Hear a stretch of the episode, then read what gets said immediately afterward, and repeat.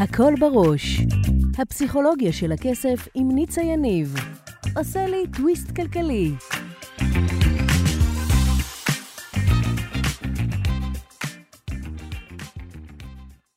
ברוכים הבאים לתוכנית נוספת של הכל בראש. גם היום, כמו בכל פעם, אנחנו הולכים לדבר על הפסיכולוגיה של הכסף, על מי מנהל את מי. אתם מנהלים את הכסף שלכם, או שהכסף שלכם מנהל אתכם.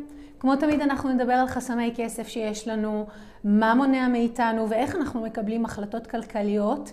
וביום יום שלנו, איך אנחנו מתנהלים ומנהלים כסף, האם באופן שמגדיל לנו את ההכנסות ומגדיל לנו את מה שיש לנו ואת ההון, או להפך. Uh, היום יש לנו תוכנית מיוחדת. Uh, זו תוכנית שיש בה הרבה מהסיפור האישי שלי. ומי שמכיר אותי ועוקב אחריי כבר שנים יודע שאני לא משתפת כמעט בכלל בדברים אישיים.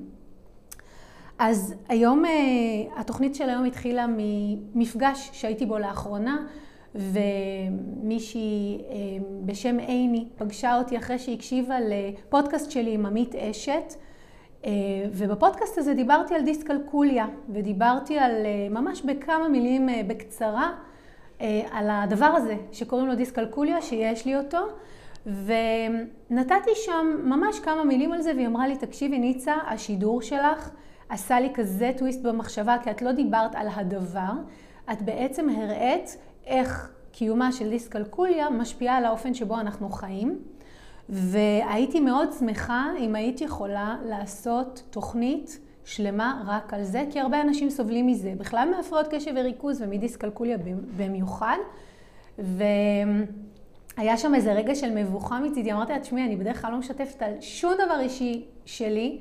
עמית הצליח להוציא ממני את המיטב, אז היא אמרה לי, כן, אבל עדיין אה, יש לך, כל כך, יש לך דרך כל כך מיוחדת להסתכל על זה, שתפי אותנו. אז השידור הזה היום הוא תולדה של הדבר הזה, ואני היום, המטרה שלי היא, א', לצייר לכם מה קורה למי שיש דיסקלקוליה מבחינת איך הוא מתנהל עם כסף, וב', אני מאוד חשוב לי לתת לכם כלים להתמודד עם הדבר הזה שבעיניי הוא מדהים, כן? אתם, בסוף השידור אני בעצם אסביר למה אני חושבת שקיבלתי את מתנת הדיסקלקוליה. אבל לפני הכל, אה, כל דבר מתחיל בהתחלה. אני רוצה רגע להקריא, להגדיר מה זה בכלל דיסקלקוליה.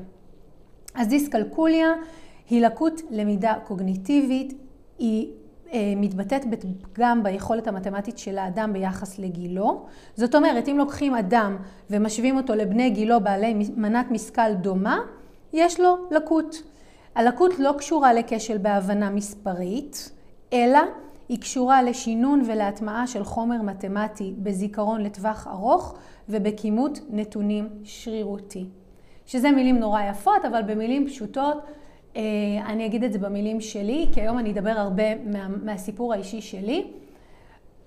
יכולתי לראות מספרים, לא הבנתי איזה סיפור המספרים מספרים. זאת אומרת, לוגית קוגניטיבית אני מבינה שנניח, אני אדבר רגע על ווייז, 50 הוא יותר קטן מ-500, אבל אם ווייז אומר לי בעוד 500 מטר פנייה, או אם הוא אומר לי בעוד 50 מטר פנייה, אין לי שמץ של מושג אין לי תחושה למה זה האומדן של החמישים מטר.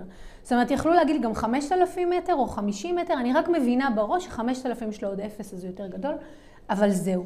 אז במילים פשוטות זה אומר שזה לא שאתה, אתה לא מבין את הסיפור שהמספרים באים לספר לך. וקשה לך לכמת נתונים שרירותיים. רוב הלוקים בדיסקלקוליה מאופיינים במנת משכל גבוהה מהממוצע. על פי רוב, אה, הלקות מופיעה בגילאים צעירים, והיא מתאפיינת בשוני בין אדם לאדם ונמשכת לאורך כל החיים. לשכיחות יש קשר משפחתי, זאת אומרת, במשפחה שבה לאחד הילדים יש דיסקלקוליה, יש סיכוי גדול פי 5 עד 10 שילדים נוספים במשפחה ילקו גם הם בדיסקלקוליה, אה, ולא תמיד קל, וזו נקודה חשובה, להבדיל או להבחין בין דיסקלקוליה לקושי בקריאה וכתיבה, למשל דיסלקציה או דיסגרפיה שקשה לקרוא ממש, יש בלבול, וגם קשה להבדיל בינה לבין שגיאות חישוב שנובעות מהפרעת קשב, ריכוז והיפראקטיביות. זאת אומרת, אם כשהייתם בתיכון אז המורה אמר לכם, כשסכמת את, ה, את התרגיל המתמטי, פה, במקום להתייחס לזה כמו חמש, התייחסת לזה כמו שלוש, זה יכול לשבת על דיסקלקוליה, אבל זה גם יכול לשבת על משהו אחר. ואני גם אגיד שישנם שני סוגים של דיסקלקוליה. הראשונה זה נרכשת. כשעוברים איזושהי פגיעה מוחית או תאונת דרכים, יכולה להתפתח דיסקלקוליה.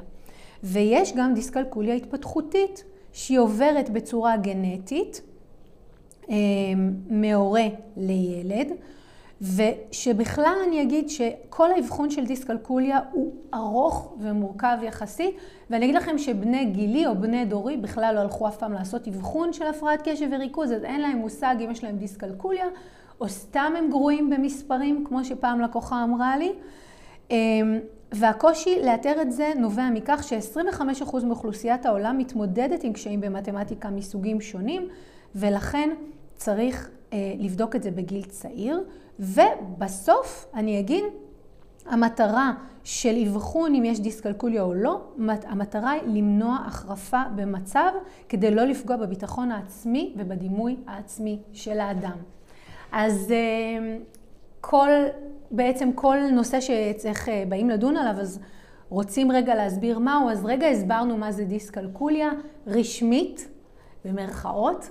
ועכשיו אני הולכת באמת לדבר על החוויה שלי כמי שגדלה עם זה, אבל פחות על החוויה שלי, אני באמת רוצה לתת לאלה מכם שרוצים לעשות כסף ולהרוויח כלים, קודם כל להבין מה קורה אצלכם בראש עם הדבר הזה שנקרא דיסקלקוליה, כי לצערי מייחסים אותה רק למתמטיקה. ואני אומרת לכם כבר, השידור הזה, התוכנית הזאת, הולכת לעשות לכם מהפך בחיים, באחריות.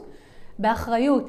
כי אני במשך ארבעה עשורים עסקתי במיפוי של הדיסקלקוליה, איך היא משפיעה בכלל על ההתנהלות שלי ועל קבלת ההחלטות שלי בכל מה שקשור למספרים. ובואו רגע נבין מה זה אומר מספרים. מספרים זה משקל הגוף שלנו, מספרים זה זמן, מספרים זה הכנסות וכסף. אז שלושת הדברים האלה, שהם זמן ולעמוד בזמנים, כסף ולנהל כסף, ומשקל הגוף שלנו, שלושתם בגלל שהם נגזרים ממספרים, הם, דיסק, הם קשורים לדיסקלקוליה, ובשלושתם אנחנו מושפעים, שוב, תלוי מה רמת החריפות של הדיסקלקוליה אצלכם, אבל אני מודיעה לכם חגיגית, כולם מושפעים מזה, ללא יוצא מן הכלל. אז יאללה, בואו נצלול וניכנס דבר דבר.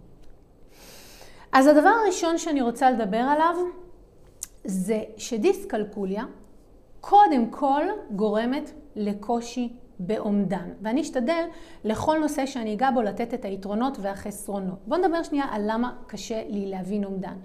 כי אם מבחינתי המספר לא מספר לי סיפור, זאת אומרת בין אם זה 50 או בין אם זה 500 או 5,000, אני מבינה קוגניטיבית שעוד אפס עושה את זה יותר גדול, אבל אין לי תחושת אומדן, מה שיקרה יהיה שאני אסתובב בעולם בלי תחושת אומדן. עכשיו בואו נבין מה יכול להיות בזה מדהים ומה לא. אז אני אתחיל ואספר לכם שכשהייתי בהיריון, אה, עם בטן גדולה, כבר בחודשים מתקדמים, כל פעם שהייתי צריכה לעבור דרך הדלת, והדלת הייתה פתוחה למחצה, זאת אומרת הדלת לא הייתה פתוחה לגמרי, אני, בגלל שאין לי כושר אומדן, או כושר האומדן שלי לקוי, הייתי תמיד חושבת שאני יכולה לעבור בלי לקבל מכה בבטן, וקבוע הייתי מקבלת מכה בבטן וזה היה כואב לי.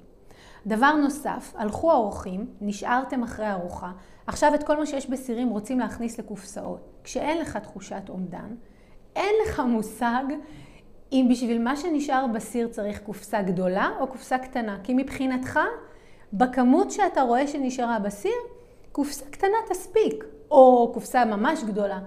אבל בפועל, מישהו דיסקלקולי יודע, מכיר כבר את התרגול הזה, שאתה מעביר לקופסה, ואז מבין שהקופסה קטנה מדי, ואז מעביר לקופסה אחרת, ואז מבין שהקופסה גדולה מדי, ובסוף אתה ננעל על משהו, אלא אם, כמו שאני עשיתי הרבה שנים, הייתי שואלת את, אה, את אה, בן הזוג, הייתי אומרת לו, מה שנשאר פה בסיר, לאיזה קופסה אני צריכה להעביר את זה, וזה מה שהייתי עושה. עכשיו בואו נדבר שנייה על כסף. זוכרים שאמרנו שמי שיש לו דיסקלקוליה, ודיסקלקוליה יושבת על מספרים, יהיה לו אישו עם משקל הגוף, יהיה לו אישו עם זמנים ועמידה בזמנים, ויהיה לו אישו עם כסף ולנהל כסף. אז מישהו דיסקלקולי, בגלל שאין לו אומדן, הוא לא חושב על פרויקט גדול שהוא גדול. אני, במהלך חיי, עשיתי דברים שכש... אה, למשל, הוצאתי טיול לחו"ל, וקמתי בבוקר והרגשתי שאני רוצה טיול לחו"ל להוציא, ואמרתי לבן הזוג, תקשיב, אני הולכת להוציא קבוצה של בעלי עסקים לדרום אפריקה לטיול על שפע. אז הוא אמר לי, מתי? אמרתי לו, בעוד שלושה שבועות. הוא אומר לי, מה זאת אומרת? אין לך דף מכירה, עוד לא פרסם, אף אחד לא יודע שאת מוציאה. אז אמרתי לו, אז מה, מה הקשר? אז לכל אורך הדרך, גם כשהשקעתי בבתים ובנכסים, דברים שלאחרים נראו מוגזמים, מופרזים, אפילו לפעמים הזויים, ואמרו לי, את לא נורמלי, הסתכלתי עליהם ואמרתי להם, אבל למה לא נורמלית? מה, זה לא הגיוני? ולא, זה לא הגיוני. אבל כשיש לך דיסקלקוליה, ויש לך קושי עם אומדן, דברים שלאחרים נראים עצומים או מתחו, מחוץ לתחום הסביר, גורמים לך להגיד, באמת? מי אמר שזה מחוץ לתחום הסביר? מי אמר שאני לא יכולה לעשות את זה בשלושה שבועות? דבר נוסף שיש עם הנושא הזה של דיסקלקוליה זה הנושא של הצורך להוכיח. אני יכולה להגיד לכם שכילדה, המסר המאוד ברור שהעבירו לי זה שאני מטומטמת. נקודה. לא היה שם משהו מעבר. הייתי מטומטמת, לא הצלחתי לקלוט דברים בסיסיים שאנשים אחרים מצליחים לקלוט. וגדלתי בתקופה שמורים, אוקיי, לא, אולי לא קראו לי מטומטמת, אבל אני עצמי הרבה פעמים הרגשתי ככה, כי ראיתי שדברים שאנשים אחרים עושים נורא בפשטות, אני בכלל לא מצליחה להבין. מתישהו היה לי נתק והייתי רואה את השפתיים של הצד השני מדברות, ואני לא מבינה בכלל מה הוא אומר. לא מבינה מה הוא אומר. והייתי ככה מסתכלת, והייתי אומרת, אוקיי, אבל זה נראה שכולם מבינים על מה מדובר. אני היחידה פה שלא מבינה על מה מדובר. כנראה שאני לא כזאת גאון, במילים עדינות. אז מה שמאפיין אנשים שסובלים מזה, זה שמגיל צעיר מאוד, יש להם צורך להוכיח שהם יכולים בניגוד ועל אף ולמרות להצליח. ולכן אני אומרת לכם, הם אנשים מאוד שאפתנים, אלה עם דיסקלקוליה, ומעניין אם פעם יעשו איזשהו מחקר בעולם, לראות כמה מתוך העשירים הם דיסקלקולים במקור, מעניין יהיה לראות את התוצאות. אני מהמרת על זה שהרבה מהם, למרות אי ההבנה שלהם הבסיסית במספרים, מגיעים מהעולם הזה. אז מה שהיה קורה זה שאני הייתי לוקחת על עצמי אתגרים, שלאחרים נראו מאוד מאוד גדולים, והייתי בטוחה שאני יכולה להם, שאני יכולה, ברור שאני אוכל לעשות את זה. ומשהו אחד מאוד גדול היה שם, זה שכשאין לך אומדן, אז גם אין לך פחד. אין לך פחד. הרבה אנשים שיש להם דיסקלקוליה עושים ספורט אקסטרימי. הידעתם? למה? כי אין להם תחושת פחד, זה לא נראה להם מוגזם מדי, זה לא נראה להם מופרז מדי, אז מה שלאדם הממוצע יעורר וילחץ על פחדים וטריגרים, לאדם שאין אומדן, הוא יגיד, אוקיי, אני לא יודע למה הוא מפחד, אבל זה לא נראה לי כזה נורא.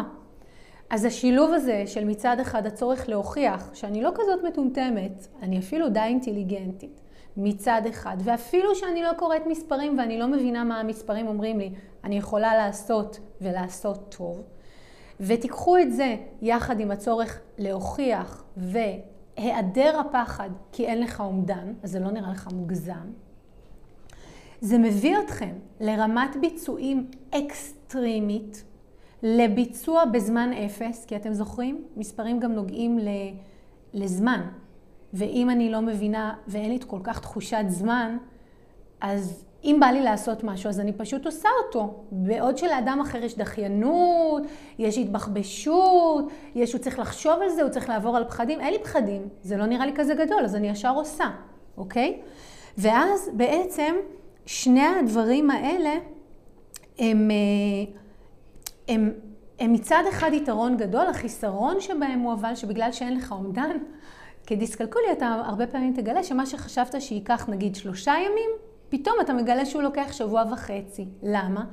כי אדם יותר מתודי שאין לו את הלקות הזו, יוכל להבנות שורה של פעולות שרציונלית הוא יוכל לאמוד כמה זמן היא תימשך, אבל לנו אין כזה. דבר נוסף שאני רוצה להגיד, שהוא כאב גדול, עמוק ועצום של אנשים שסובלים מדיסקלקוליה, הוא הנושא של אומדן בהיבט של ביטחון עצמי. אז ככה זה עובד. תחשבו שלאדם שיש דיסקלקוליה אין יכולת לאמוד.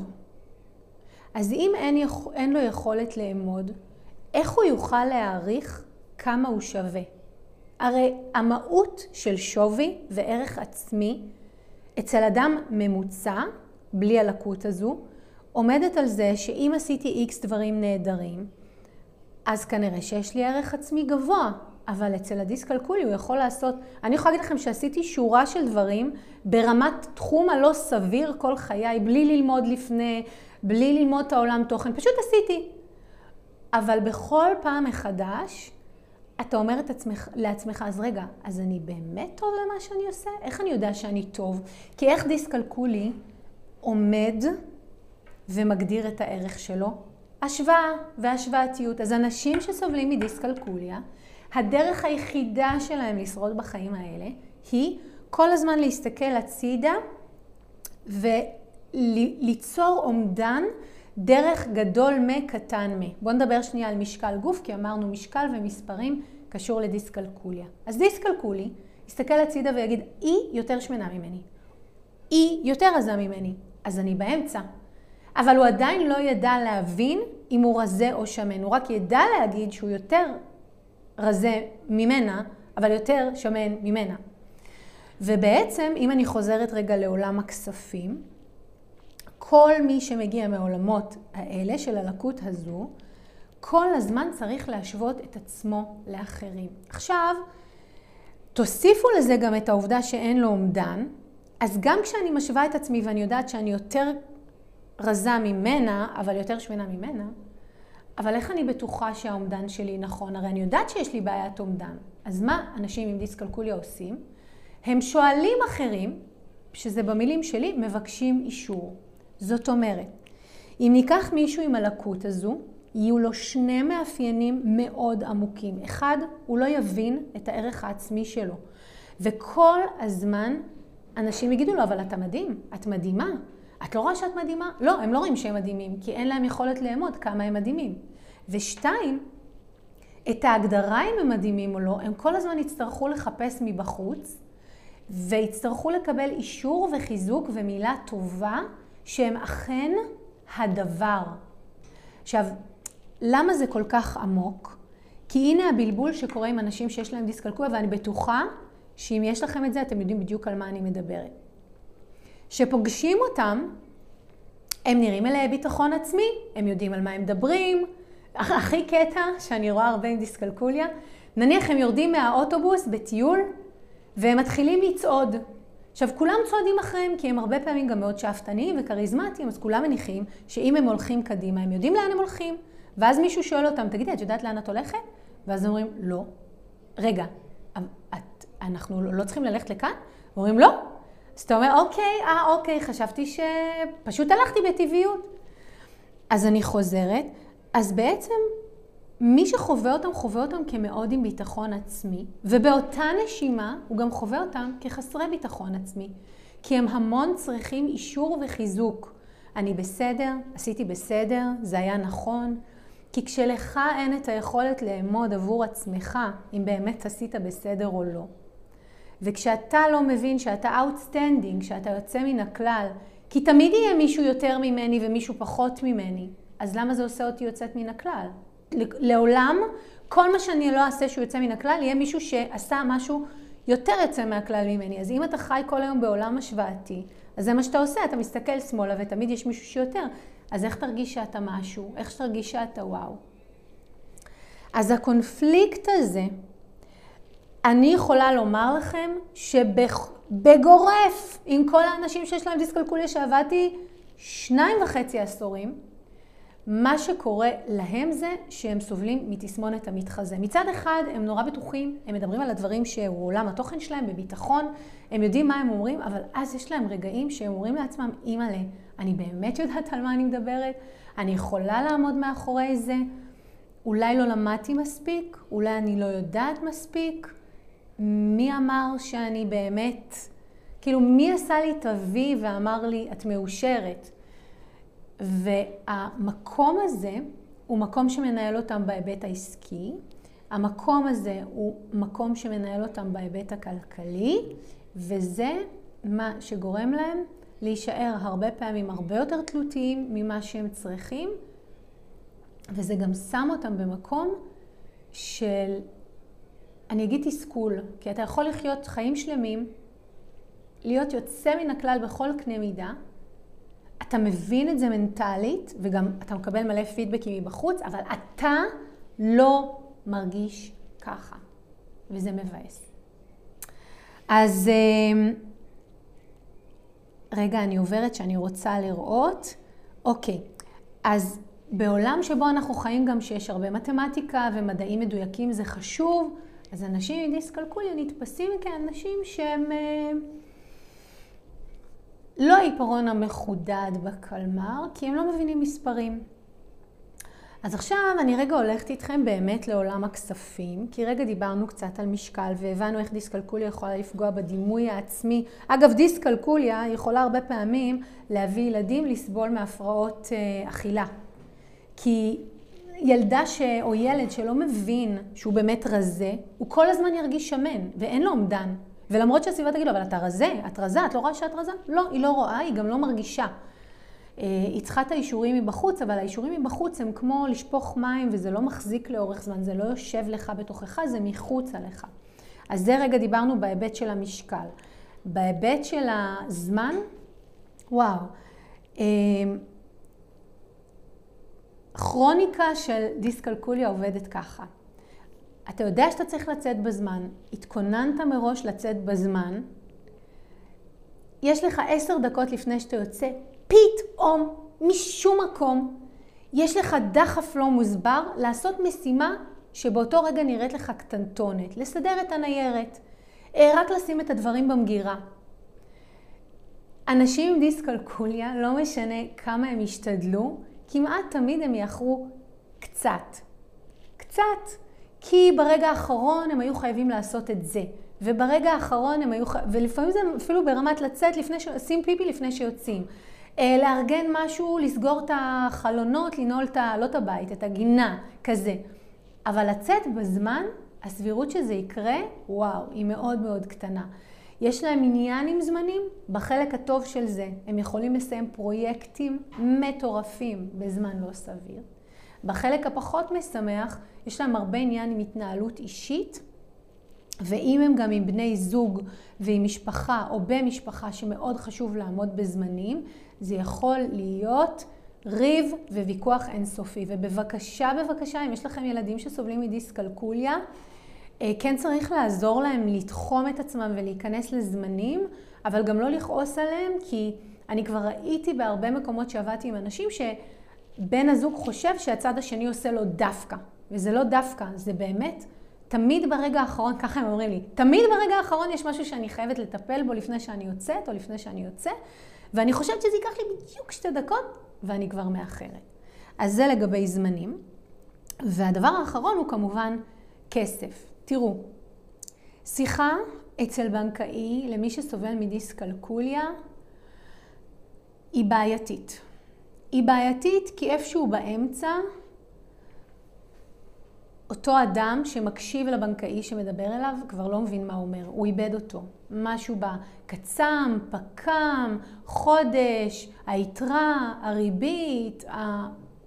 הוא מתחיל להסתכל עליו בעיניים אה, זגוגיות ולהגיד לו, אוקיי, מה שתגיד.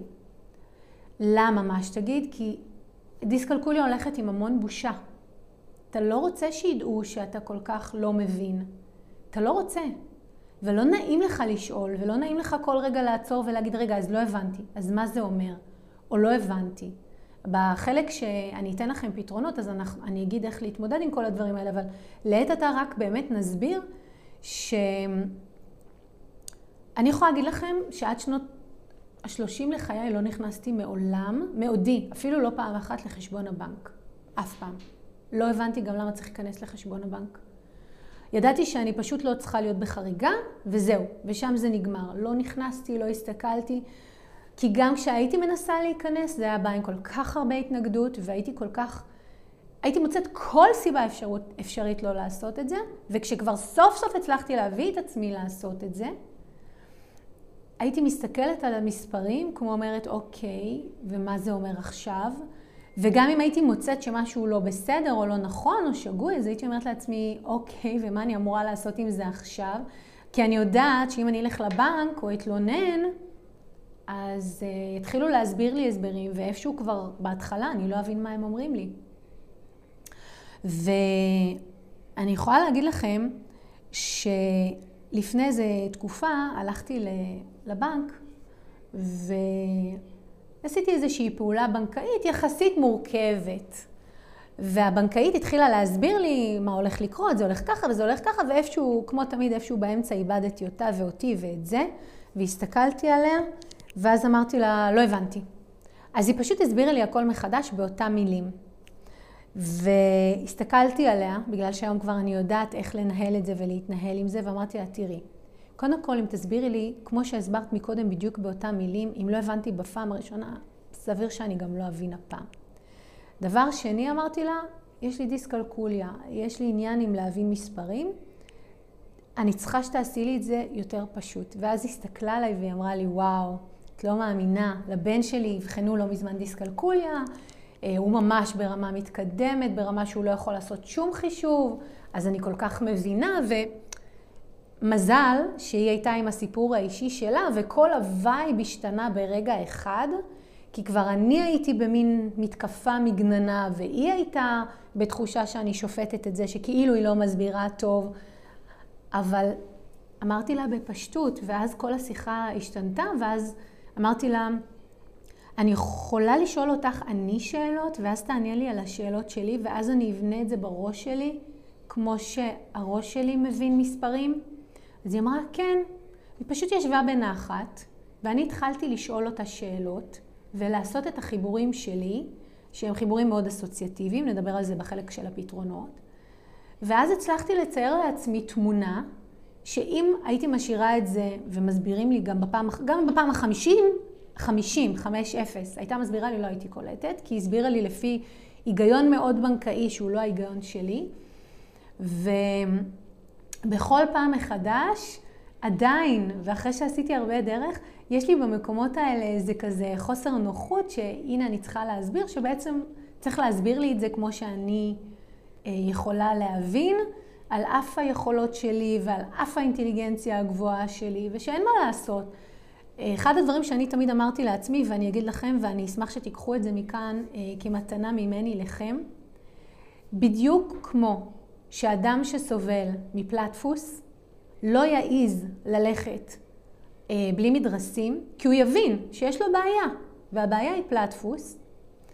אותו הדבר כשזה מגיע לדיסקלקוליה או דיסגרפיה או הפרעות קשב וריכוז, אנחנו צריכים להבין שזה פשוט מה שזה, ושהתפקיד שלנו הוא לייצר לנו את הנוחות כדי שנוכל לחיות ולהתנהל עם הדבר הזה. וזה לא בושה. אף אחד לא מסתובב בעולם והוא מתבייש שיש לו פלטפוס או הייפוס, קשת גבוהה או קשת שטוחה, נכון? אנחנו לא. זה פשוט מה שזה, וצריך לטפל בזה. אז אותו הדבר כאן. זה להסכים שיש לכם עניין עם כסף, לקחת את האנשים המתאימים, לשאול את השאלות הנכונות, ולהבין גם שהרבה פעמים ייקח לכם קצת יותר זמן מלאדם הממוצע להבין את הדברים, וזה בסדר. וזה בסדר. אז בחלק הזה רציתי לזכור את האתגרים שלא מדוברים, כי תמיד כשמדברים על דיסקלקוליה רק מדברים על מספרים, וזה לא נכון. דיסקלקוליה גם הרבה פעמים הולך עם אה, עניין של אה, קושי בתפיסת מרחב, כי גם תפיסת מרחב זה אומדן רחוק, קרוב. אה, עד שווייז יצא, המון שנים לא הצלחתי בכלל לנהוג, כל מה שלאנשים היה נורא טבעי, עוד 100 מטר תפני ימינה, ואז אחרי 200 מטר תפני שמאלה, לא הבנתי בכלל מה הם אומרים. והמקום הזה, שאתה יודע ומבין שאתה עדיין אינטליגנט, אבל קשה לך עם מספרים, וזה נוגע בשלושה, בשלושה עולמות תוכן מאוד עמוקים, שזה המשקל, זה הכסף וזה הזמן. ואז אתה הרבה פעמים מצטייר, זה לא עצלן, אבל כמו, המסוגלות שלך לא באה לידי ביטוי כמו שהיית יכול. ותוסיפו על זה שהרבה פעמים זה בא עם המתנה של אה, אה, קושי בהתמצאות במרחב, וקיבלת בן אדם שאובייקטיבית יש לו, כמו שקראנו, מנת משכל ממוצעת גבוהה, אבל פרקטית יש לו המון אתגרים שהוא צריך להתמודד איתם ביום-יום. אז אה, בחלק הזה סקרנו את הדברים. אני חושבת שהכי גדול מהם זה הנושא של ערך עצמי.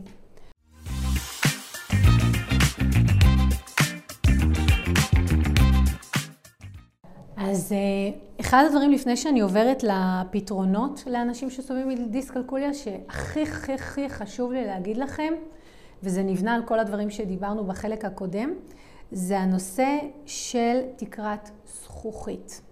וואו, זה חשוב, זה מטורף, ואני רוצה שתזכרו את זה. ובאמת אני רוצה לבקש מכם היום, כל מי שמקשיב לתוכנית הזאת ויש לו חברים, מכרים, משפחה, שסובלים מדיסקלקוליה, הם חייבים, חייבים להקשיב לתוכן הזה, כי איך אמרה לי עיני? היא אמרה לי, זה, זה mind blowing, זה מסובב לי את הראש. אם אני כל החיים הסתכלתי על עצמי כמישהי שיש לי בעיקר מגבלות, פתאום את מביאה לי את כל היתרונות שבזה, ונותנת לי דרך אחרת להסתכל על זה. אז תראו, מי שאין לו אומדן, אין לו תקרת זכוכית.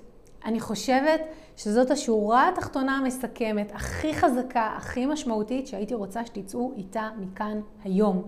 יש לו אישו מטורף עם גבולות, קשה לו להעמיד גבולות, הוא לא מוכן שיעמידו לו גבולות, הוא לא מקבל סמכות, הוא יודע הרבה פעמים יותר טוב, כי יש לו תחושת בטן שאומרת לו איך לפעול, אבל השורה התחתונה והכי חשובה בכל הנקודה הזאת, זה שמי שיש לו דיסקלקוליה, קיבל את המתנה של החיים, והיא שאין לו תקרת זכוכית. אז בואו נדבר שנייה על תקרת זכוכית. תקרת זכוכית היא משהו שלכל בן אדם יש, שנובעת מהפחדים שיש לו, מהחששות, מהתפיסה, מה, אני קוראת לזה התורשה הסביבתית. מה הכוונה? אה, אם אומרים לו שבגיל 30 יכולה להיות לו דירה אחת, אז הוא יאמין שעד גיל 30 יכולה להיות לו דירה אחת. אבל אדם שסובל מדיסקלקוליה, קודם כל אם יגידו לו שעד גיל 30 יכולה להיות לו דירה אחת, הוא יגיד באמת? נראה לכם שאתם תגידו לי מה יכול להיות לי ומה לא יכול להיות לי? תשכחו מזה. שנית, הוא יגיד אחת, לא, יהיו לי ארבע והוא יעמיד דדליין. שלישית, הוא יכול לעבור את הדדליין הזה כי אין לו הבניה בתת המודע שמגבילה אותו וקושרת אותו ומצמצמת אותו לתקרת זכוכית. ואני מודיעה לכם חגיגית שאנשים שסובלים מדיסקלקוליה, הבעיה שלהם היא לא שהם צריכים אה, לפרוץ את תקרת הזכוכית, אלא להפך, הם צריכים ללמוד לשים לעצמם גבול, כדי לא להוציא יותר אנרגיה ממה שהם התכוונו, כדי לא להוציא יותר כסף ממה שהם התכוונו. תקשיבו, אנשים שסובלים מדיסקלקוליה אומרים לי, ניצה, הכסף בורח לי מבין האצבעות, אני לא מצליחה להשאיר, להשאיר את הכסף, להחזיק אותו. ולמה הם לא מצליחים? כי אין להם גבול. הם אנשים שהרבה פעמים בעולמות של זמנים חסרי זמן, כמו שאמרתי לכם, אם פרויקט אמור לקחת שלושה חודשים, הם לא מבינים למה הוא לא יכול לקחת שלושה שבועות. אז המתנה הכי גדולה של דיסקלקוליה היא היעדר של תקרת זכוכית, והעבודה של אנשים שיש להם את הלקות הזו היא הפוכה, הם צריכים כל הזמן להגביל את עצמם, לתחום את עצמם, כי אחרת, א', הם יכולים להתפזר ולעשות 17 דברים בו זמנית. הם מתחילים את זה ומתחילים את זה, הם אנשים של גם וגם, הם אנשים שעושים הרבה דברים בו זמנית. ושתיים, הם אנשים שהרבה פועלים עם חשק ואינטואיציה. אז ממש בכל החלק הראשון סקרתי איתכם אה, מה מאפיין אותם, ואגב, אלה מכם שעצמאים, האנשים שסובלים מדיסקלקוליה, יהיה להם מספר עוקבים לא סביר, כולם יגידו להם, אבל זה לא הגיוני שיש לך את המספר הזה. יהיה להם סכום הכנסות לא סביר לעולם תוכן שהם נמצאים בו ובכלל. הם יעשו דברים מבחינת הספק בזמן, ביחידת זמן לא סבירים, ו... כולם תמיד יסתכלו עליהם בעיניים נוצצות ויגידו להם, איך אתה עושה את זה? איך אתה עושה את זה? אבל בפועל, מה שבאמת באמת קורה שם, זה שאין להם תקרת זכוכית, אין להם מגבלה. אגב, הם גם יכולים ככה לשחוק את הגוף, כן? הם לא רואים למה הם צריכים ללכת לישון, או למה הם צריכים להתחדש. מבחינתם, אם אפשר היה לעשות 24 שעות של לעשות את כל הדברים שהם אוהבים וטובים בהם, הם היו עושים את זה. אז יש שם דווקא באמת, כמו שאמרתי, למידה של לצמצם, להגביל ולשים תחימה. אז עכשיו אני רוצה, אחרי שנגענו בכל הדברים, לתת רגע פתרונות. קודם כל, וזה הדבר הראשון, אני רוצה רגע לשתף אתכם באג'נדה שלי בחיים בכלל, וככה גם גידלתי את הילדים שלי. אה, יש שתי אסכולות מבחינתי לאיך תופסים את העולם. יש את האסכולה שאומרת, אם את גרועה במשהו, או אם את בינונית במשהו, תעבדי חזק, חזק, חזק, עד שתהיי טובה בו. שזה פחות הגישה שלי. ויש את הגישה שלי שאומרת, כל בן אדם, האחריות והתפקיד שלו זה להבין באיזה דברים הוא טוב. ובדברים שהוא טוב, הוא צריך להשקיע זמן, אנרגיה ומשאבים, ולהפוך לטאלנט, למישהו שהוא וואו בדיוק בתחום הזה. למה? בואו נבין למה. כי אם אני אעבוד על הדברים שאני גרועה בהם, במקרה הטוב אני אהיה בינונית פלוס. אולי סבבה. אני לא אהיה איזה עילוי, אבל אם אני אעבוד על הדברים שאני טובה בהם, וואו, שם יכול להיות לי פיצוץ, ממש. ואני אוכל להיות באמת אה, מנחה בחסד, או מרצה בחסד, או מומחית בתחום שלי. אז בואו נבין רגע איך זה עובד. זה עובד ככה. בדיסקלקוליה, מה שקורה לנו, או מה שאנחנו אה, מנהל אותנו, זה שאנחנו רוצים וצריכים וחשוב לנו לצאת החוצה, אם אנחנו עצמאים, ולהגיע לעוד אנשים ולהביא את הבשורה שלנו. אבל כדי לעשות את זה, אנחנו צריכים לעשות את הדברים הבאים. קודם כל, לשים לעצמנו גבול ולנהל את הזמן שלנו בחוכמה. זה משהו שהוא מאוד חכם. אמ, אבל רגע, רגע, אני אחזור לדבר הקודם שדיברתי עליו. מי שסובל מדיסקלקוליה, העצה שלי היום לא תהיה, לך תלמד מתמטיקה, לך תשפר את היכולות אה, שלך לעבודה עם כסף. ממש לא. אל תבזבזו את הזמן. אמיתי אומרת לכם, עשיתי את הדרך המפרכת, היבול דל. כן, צריך ללמוד, כן, צריך להבין, אבל מה שחזק אצל אנשים שסובלים מדיסקלקוליה זה הרגש והתחושת בטן. תשקיעו את חייכם בפיצוח ובפיתוח של האינטואיציה שלכם. כי אחד הדברים שאני רואה עם אנשים שסובלים מדיסקלקוליה זה שמה שהם עושים זה שהם, אה, זה מפריע לי, אני שומעת את זה, זה מפריע לי, בסדר, זה מבלבל אותי. מה שאנשים עושים זה שהם הולכים והם משקיעים יותר זמן ויותר אה, אה, רוצים להוכיח לעצמם בדברים שהם לא כל כך טובים בהם. למשל, סיפרה לי לקוחה שהיא הלכה לעשות משפטים כי היא ידעה שקשה לה עם הנושא של משפטים והיא רצתה להוכיח לעצמה שהיא מסוגלת. והיא הוכיחה לעצמה שהיא מסוגלת, אבל לא כיף לה היום לעשות את מה שהיא עושה. אז הדבר הראשון שאנחנו רוצים זה לפתח את האינטואיציה שלנו. הדבר השני שאנחנו רוצים לעשות זה לקבל ולהבין שאנחנו צריכים אישורים מבחוץ. כשיש לך בעיה של אומדן, ואם יש מסביבכם מישהו שיש לו יכולת אומדן, אל תרגישו תלויים או תלותיים אם אתם נעזרים בהם. זה בסדר להיעזר בהם. מותר לכם להיעזר בהם, אוקיי? זה מותר. אז תרגישו עם זה בנוח. דבר נוסף זה כשמשהו לא מרגיש לכם נכון, בגלל שאנשים שהם עם דיסקלקוליה עובדים הרבה עם אינטואיציה, תקשיבו לאינטואיציה שלכם. אל תגידו לעצמכם, זה פחד שלי, אני מפחד לא להצליח, אז בגלל זה עולה לי האינטואיציה הזאת. במקום להגיד אם זה פחד או אינטואיציה, תלכו להשקיע בללמוד ולפתח את האינטואיציה שלכם, כדי שאתם תוכלו אה, לדעת אם זה פחד או שזה אינטואיציה שמדברת מגרונכם. אה, דבר נוסף לאלה מכם שהם עצמאים ושכירים. דיסקלקולים, עם דיסקלקוליה כבדה, לא מבינים מספרים וקשה להם לקרוא אה, דוחות. שוב, זו הכללה גסה, אבל אני מדברת על מקרה קצה. אה, תשבו עם מישהו שיודע לקרוא דוחות, תשבו עם מישהו שמדבר, אבל שגם מדבר את השפה שלכם והוא אינטואיטיבי וידע לדבר איתכם בשפה שתבינו, וגם מהצד השני שיכול מאוד לעזור לכם ולתמוך בכם, להבין מה הדוחות שלכם אומרים, מה המספרים שלכם אומרים, כמה המשרד נותן לכם, אם זה בביטוח מנהלים, אם זה בהשתלמות, כל דבר אחר, תלכו לאנשים שמומחים בתחום, אבל אנשים עם סבלנות שיודעים לדבר עם אנשים כמוכם. אמ, אז זה דבר נוסף. אמ, בהיבט של אמ, זמנים, אני אגיד לכם, מי שסובל מדיסקלקוליה, כדאי לו לקחת בחשבון שיש סיכוי שהוא יאחר בקטנה, אבל תמיד קודם כל לדאוג שהשעונים בבית יהיו מכוונים, טכנית, במיוחד שמחליפים שעונים וכזה. שתיים, אם יש לכם שעון יד שיכול לצפצף ולתת לכם כמו חיווי פיזי, כי אנשים עם דיסקלקוליה הם מאוד פיזיים. הם צריכים פיזי, הם מאמינים בפיזי, הם מרגישים פיזי. אז אם יש לכם את הצפצוף שאומר הגיע הזמן לצאת, תדעו שאתם צריכים לצאת, שזה בסדר, בסדר?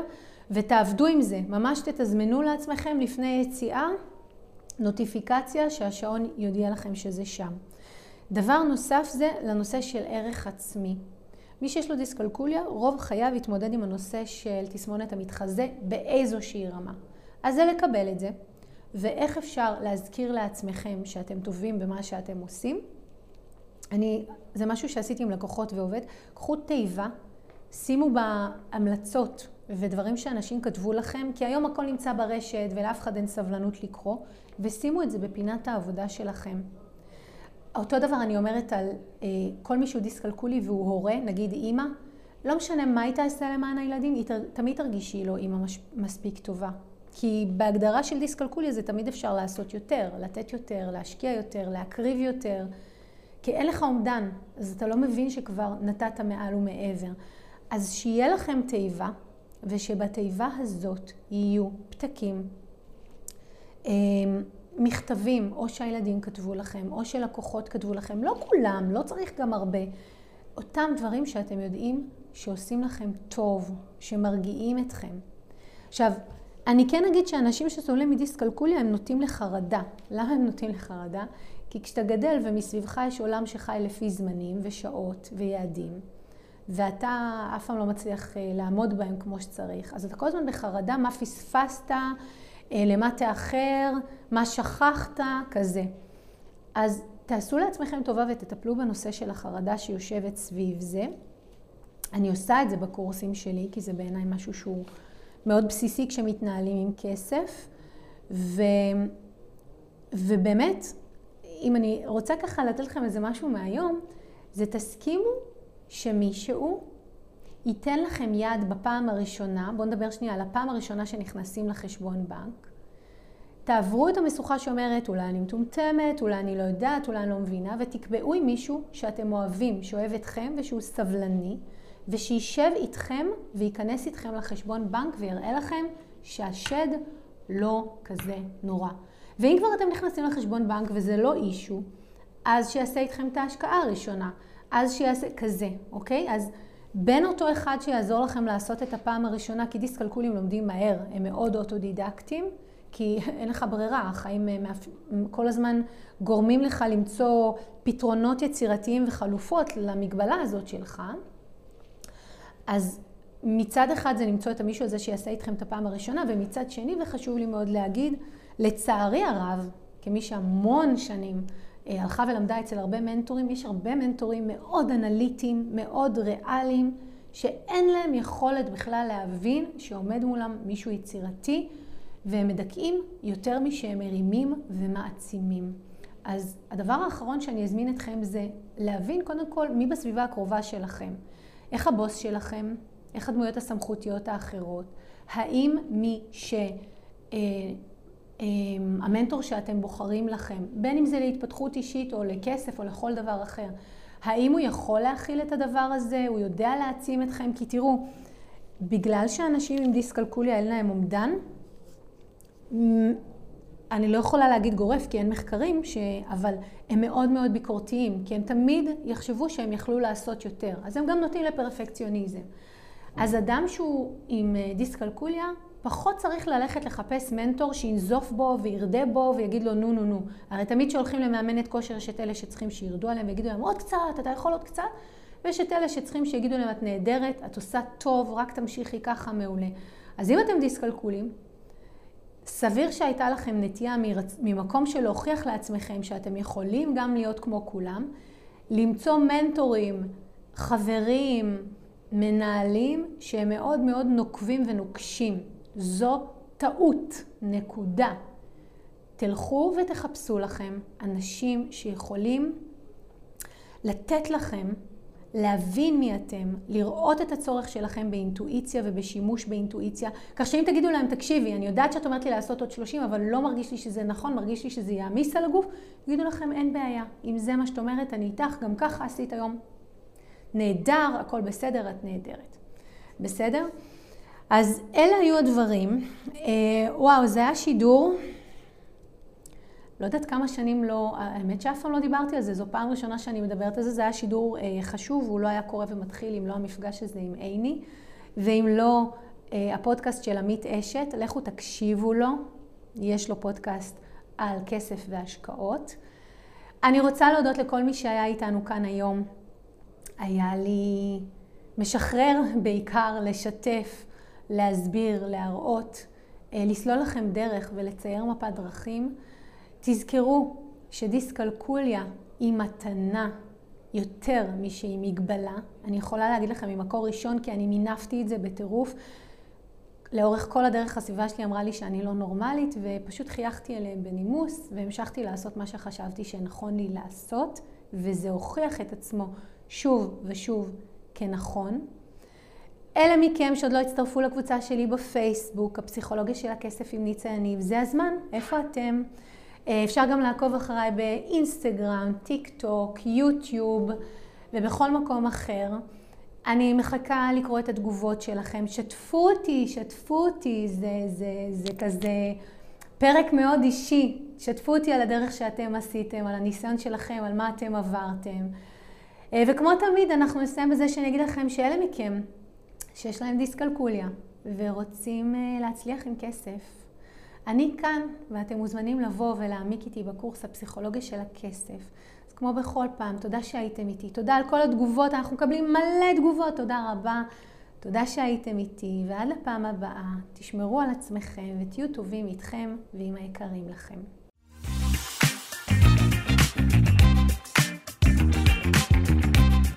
אם אהבתם את הפרק, שתפו אותי למה התחברתם, ממש מעניין אותי לשמוע. אם בא לכם ללמוד עוד על הפסיכולוגיה של הכסף, הנה המקומות שאתם יכולים להתחיל בהם. באתר nicayaniv.com תוכלו להזין לתוכנית הרדיו השבועית שלי שנקראת הכל בראש וגם להצטרף לקבוצת הפייסבוק שלי הפסיכולוגיה של הכסף עם ניצה יניב. אם אתם עדיין לא עוקבים אחריי בפייסבוק, באינסטגרם או ביוטיוב זה בדיוק הזמן לעשות את זה. אלה מכם שרוצים להעמיק אתם יכולים לפגוש אותי אחת לחודש במפגשים הקבוצתיים לאימון בלייב או להצטרף לקורס המקיף לשחרור חסמי כסף. תמיד תזכרו, השינוי שלכם עם כסף מתחיל כאן, במקום שבו כסף ותודעה נפגשים. ניפגש בפרק הבא.